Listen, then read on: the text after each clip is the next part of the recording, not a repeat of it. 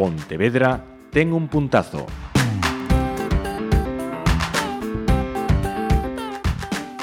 Saludos, llega el momento del puntazo.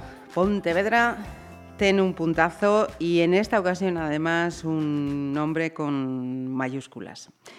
Tony Puig nos acompaña en este programa. Bienvenido. Gracias.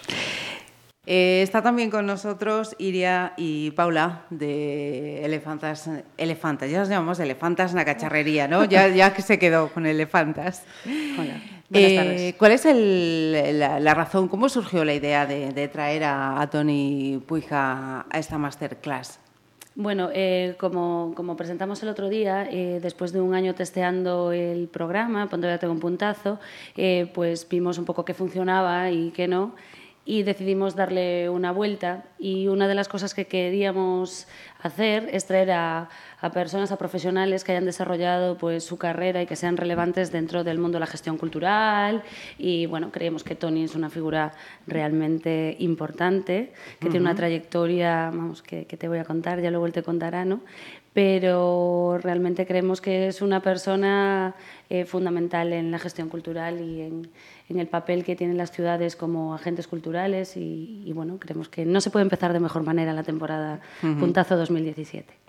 Eh, de momento, Iria, creo que las horas que llevo aquí en Pontevedra han sido, vamos, Creo que ha tenido no, no pasa idilio- desapercibido. Creo que ha tenido un idilio absoluto con Pontevedra. un amor a primera vista. Eso he oído, Tony. Ha sido así. Ha sido así. Yo he llegado por la mañana, todo ha funcionado hoy bien, el vuelo no se ha movido. A mí los vuelos estos internos por el país no me gustan nada porque se mueven siempre. Ah, me gustan los internacionales y aquellos estoy seguro. Pero ha sido muy lindo, muy agradable.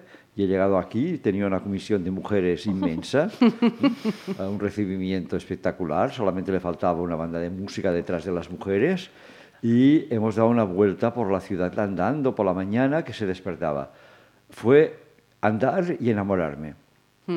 Tiene una ciudad que es increíble. Tiene la mejor ciudad para vivir de España. Seguro, ¿eh? Esto no es eh, intención de quedarme.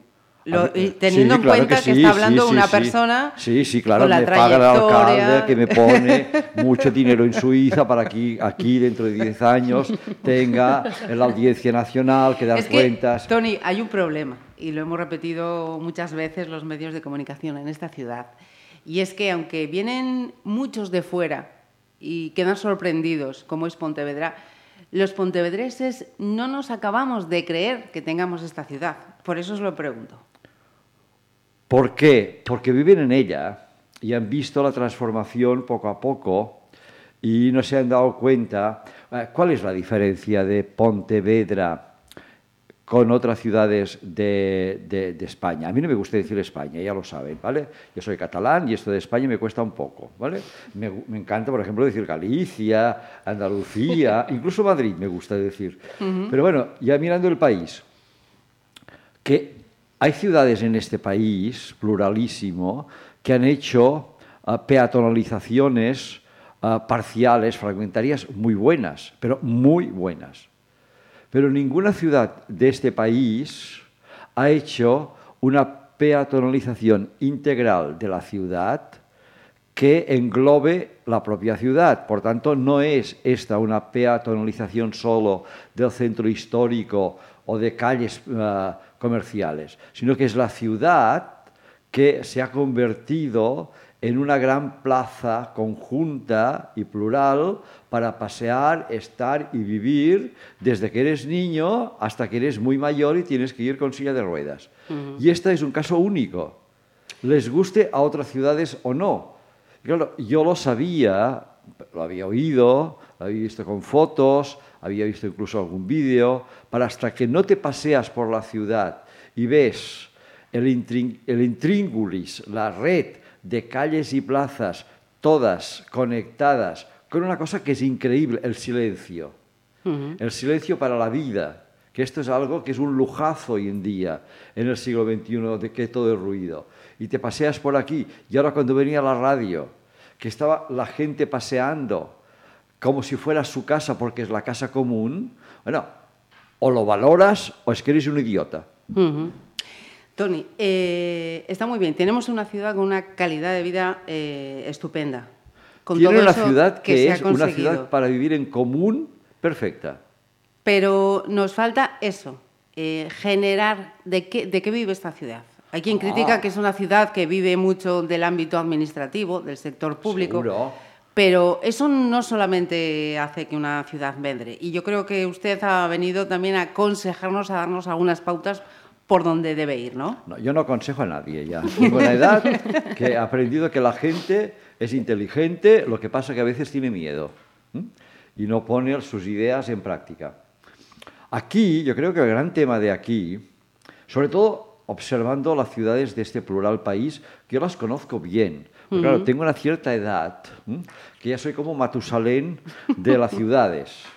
Yo he estado desde los años 80 prácticamente, que, estoy, que estuve ¿vale? en toda la reconversión de Barcelona y estuve en el equipo que transformamos una ciudad desastrosa en una ciudad que está en el mundo, quizá demasiado en el mundo, porque el mundo nos visita ahora y tenemos una plaga de turismo que es, si en, en, en Egipto hubo siete plagas, pues esta es la octava plaga que está en Barcelona, ¿vale? Genial llena de gente. Yo he visto la transformación de esta ciudad y en algunas ciudades he estado presente y he estado incluso asesorando, por ejemplo, en Bilbao. Eh, he visto cómo se transforma, por ejemplo, Madrid y he estado también asesorando algunas veces Madrid para el tema de tener una ciudad más de los ciudadanos.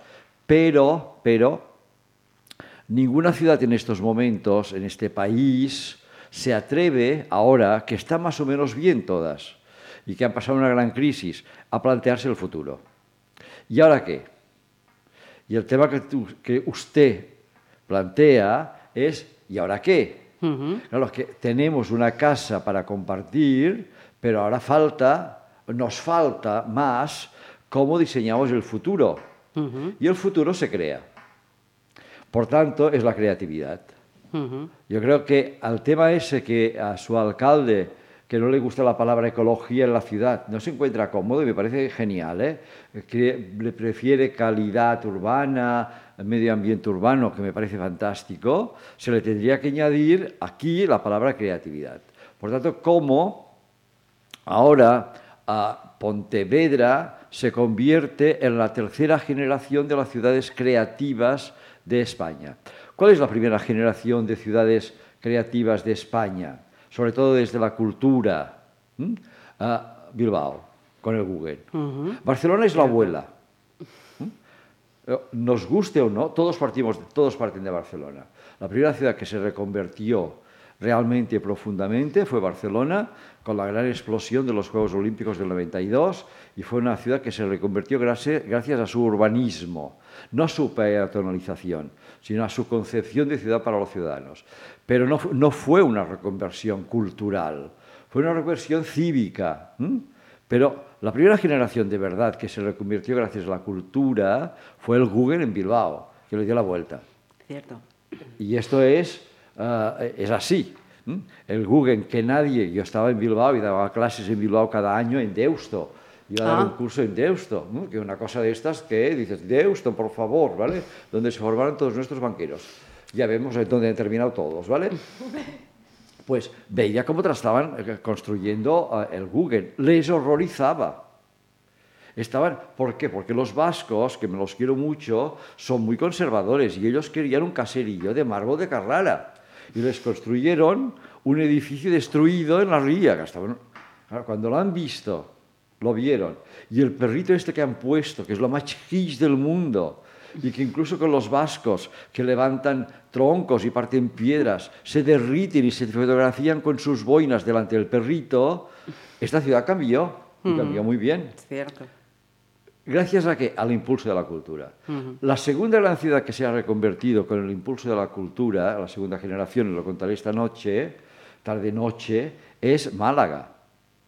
Málaga era una ciudad para irte a emborrachar y morir en Semana Santa. No había nada más. Era una ciudad que era anodina en medio de un espacio increíble de turistas de toda la Costa del Sol, etcétera, etcétera. Tiene un alcalde genial, genial, que pensó que se podía reconvertir la ciudad. Yo estuve en el inicio también asesorando, y no me quiero poner medallas, ¿eh? a, a- a- a Málaga. En una una- un, un acto con toda la gente del ayuntamiento diciendo tienen que tener una ciudad de marca, tienen que posicionarla, etcétera, etcétera, etcétera, etcétera. ¿Cómo lo hizo? A partir de las artes, a partir de los museos de eh, Tita Cervera, de Picasso, eh, con dos franquicias muy buenas, evidentemente, el Pompidou de París y el Museo de Ruso de, de Moscú. Y ha cambiado la ciudad, ha peatonalizado un trozo de la ciudad. Y es una ciudad magnífica ahora, que además están encantados, todos los turistas de la Costa del Sol van, está muy viva, genial. Falta la tercera generación. ¿Cuál es la tercera generación para mí? Pontevedra. ¿Por qué? Ah, usted lo quiere saber y los oyentes también, ¿no? Por supuesto. Pues vengan esta noche. no, mire, yo creo que las ciudades del futuro, sobre todo las ciudades que van a tener mucho impacto, son de dos tipos. Las ciudades que van a liderar el mundo, que el mundo no será de la ONU, sino que la liderarán unas 600 ciudades en el mundo de unos 12, 13, 14 millones de habitantes, y esto ya está pasando, porque es donde se dan los problemas y donde hay las soluciones. Pero nosotros, claro, ni Barcelona ni, ni, ni Pontevedra podemos aspirar a esto. Eh, Barcelona tampoco. Entonces yo creo que la- las ciudades de calidad de vida tendrán en torno a 100, 80, 100, 150 ah, mil habitantes. ¿Por qué? Porque importa la relación, la relación interpersonal. Estas son las paradojas para mí del mundo. En un mundo tan hiperconectado eh, desde las tecnologías, que todo es y estamos conectados en el mundo, lo que importa es encontrarte en la calle, poder entrar a la calle y que a la calle te sientas próximo. Y esto es Pontevedra. En Eh, este Pontevedra, Sí. lo que no tienen que hacer es un museo, Guggenheim. Lo que no tienen que hacer es apostar por una constelación de pequeños museos y centros de arte.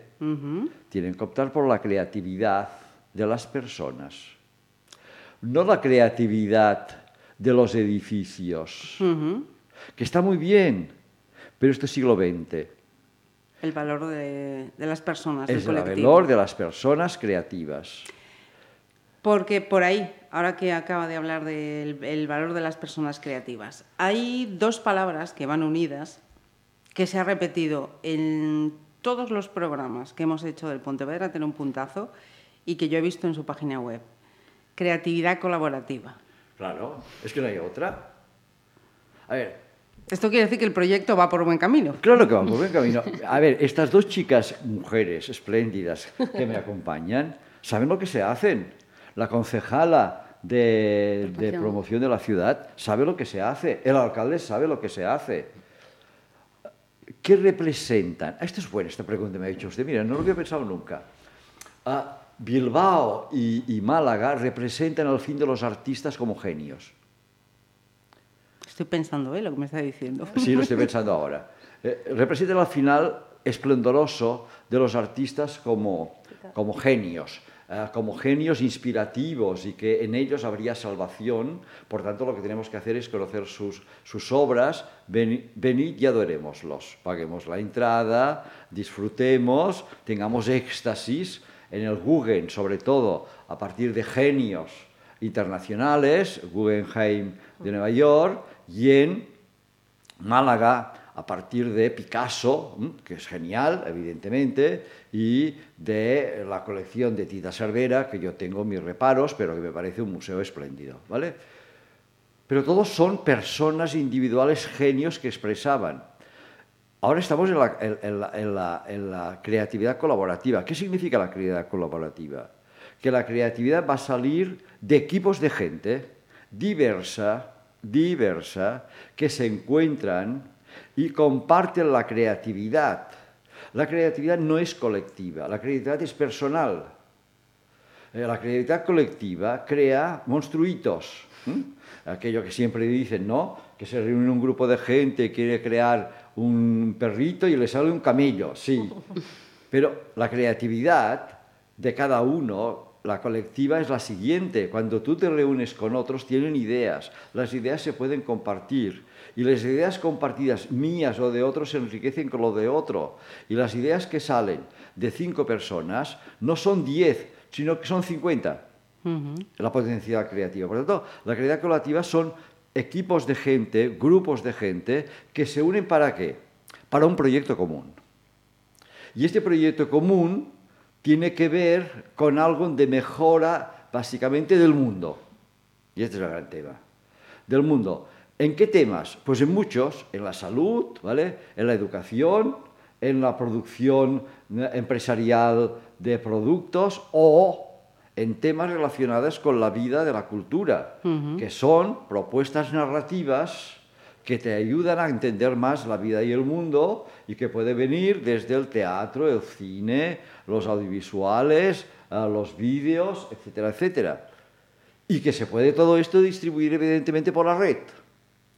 Y esto, cuando se reúne, cuando se hace solamente para la ciudad, son los equipos de gente colaborativa y creativa de la ciudad, que tú los puedes escuchar en música, en teatro, en acciones de la ciudad. Pero cuando esto se convierte en un paso más allá, los que quieran, que no es obligatorio, en una pequeña empresa, por tanto empresa en el sentido de emprendedores que emprenden, aquí el mundo ahora se abre en otra dimensión, porque la creatividad colaborativa y los proyectos colaborativos de productos y servicios se ponen en la red. Y la red es universal. Sí. Por tanto, por tanto, ahora voy a decir la tontería mayor del siglo. No, no, me lo creo. Sí, sí, sí. ¿Por qué con un tiempo, con un tiempo, Pontevedra no es un Silicon Valley de creatividad para la cultura, y para las acciones de la calidad de vida en un entorno de calidad de vida con muchas empresas que están produciendo y creando productos y servicios a nivel para la propia ciudad presencial y a nivel de que sus productos y servicios estén en la red para innovar en el mundo. Y están, las hay. Pues este es el tema, ¿no? ¿Cómo se hace esto? Pues empezando por abajo. ¿Vale? Empezando por abajo. Teniendo unas buenas escuelas en las que la gente sea creativa, teniendo en los barrios espacios para la cultura que la gente se encuentre que puede crear, teniendo una buena oferta cultural en la ciudad. Y a partir de aquí, evidentemente, toda la gente que descubre sus posibilidades creativas y que las cultiva en la universidad o en, otros espacios pueda tener un espacio común de la ciudad, esto que ahora se llaman estas, estas casas en que la gente se encuentra, estos viveros de creatividad, eh, con soporte de gente que, sobre todo a, la gente más joven, le ayuda a crear sus productos y hacerlos rentables. Que esto no va a dar trabajo a todo el mundo, evidente. Porque el mundo tristemente va por aquí. El mundo no lo arreglaremos desde aquí. El mundo necesita un salario ciudadano. Porque cada día el trabajo será más precario, cada día el trabajo será más, más, más, más, más, más precario en el mismo. ¿Por qué? Porque estamos en la automatización, pero cada día más habrá un trabajo muy bien remunerado y de calidad que estará ligado a la creatividad. Y entonces, Pontevedra, ¿cómo se hace? Ah, experimentenlo. ¿Cuántos años tardaron en, en, en, Bilbao en construir el Google y que esto los funcionara? Pues esto es un periodo a medio largo plazo. Estos faros largos.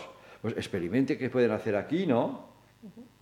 Y háganlo. Yo creo que los cimientos están puestos, están, están, en ello. Sí, porque tiene la ciudad que puede recibir esto. Esto no se puede hacer en una ciudad muy desigual. Esto no puedes hacerlo en una ciudad que el centro de la ciudad tiene muchos problemas de estructura porque no se han remodelado las casas, porque no hay vida ciudadana, porque la gente no está en la calle. Esto no se puede hacer. Aquí el contenedor está preparado. El contenido empieza a estar. Pero ahora sí. se tiene que insuflar más fuerza. Por eso yo digo que Pontevedra debe reinventar las ciudades creativas de tercera generación. Pues antes de terminar, Tony, yo quería preguntarle por una cosa Perdón, que, ¿eh? que- Es que estaba Perdón. pensando mientras me estabas preguntando. Pues siga pensando en alto muchas veces, que resulta muy, muy ilustrativo. Eh, decía que antes de terminar esta entrevista yo quería preguntarle por una cuestión que preparando mm, estas cosas que pasan, a veces eh, quien le llama serendipia, ¿no? Pues a mí me ha pasado con, con la siguiente cuestión. Usted estuvo eh, entre esas personas que pusieron en marcha aquella revista en los 70. Ajo Blanco. Sí. Y resulta que ahora Pepe Rivas quiere reeditar esa revista y están en marcha con una campaña de crowdfunding. Sí. ¿Cómo, cómo lo ve? A ver, de- mañana en Barcelona, en la Fundación Suñol, que es una fundación de arte contemporáneo buenísima, que está en el Paseo de Gracia, a los Warhols de este país estará en la Fundación Suñol, desengañémonos, ¿no? Pues mañana, en el sótano de esta fundación, inauguramos una, a las siete y media una mm, exposición de Ajo Blanco, año 1977, que fue el gran año de nuestra aportación de un- una visión de ciudad y de país, sobre todo en los números de este año. Mañana se inaugura, para que se vea. ¿Qué pasa? Que nos tuvieron envidia. ¿Vale? Que mucha gente, sobre todo los comunistas de aquel tiempo, y que después se pasaron a los socialistas, y que después se pasaron todos al liberalismo más atroz, y que después todos se pasaron en mayoría a robar del Estado. Estos son nuestros amigos de entonces, que nos hacían la puñeta, ¿vale? Nos despreciaron. Y resulta que nosotros teníamos la razón. Nosotros hicimos una propuesta de modelo de ciudad que ya se veía, que nos la negaron diciendo que estábamos locos, que éramos anarquistas, que éramos hijos de papá, que éramos unos poetas, que éramos unos Rimbaud, etcétera, etcétera. Pues resulta que el feminismo ya funciona. Resulta que la ecología ya funciona. Resulta que la igualdad de género ya funciona. Resulta que todo el tema del movimiento de los gays, las lesbianas, todo el ligado, ya está aquí, pero debe estar con mucha más fuerza.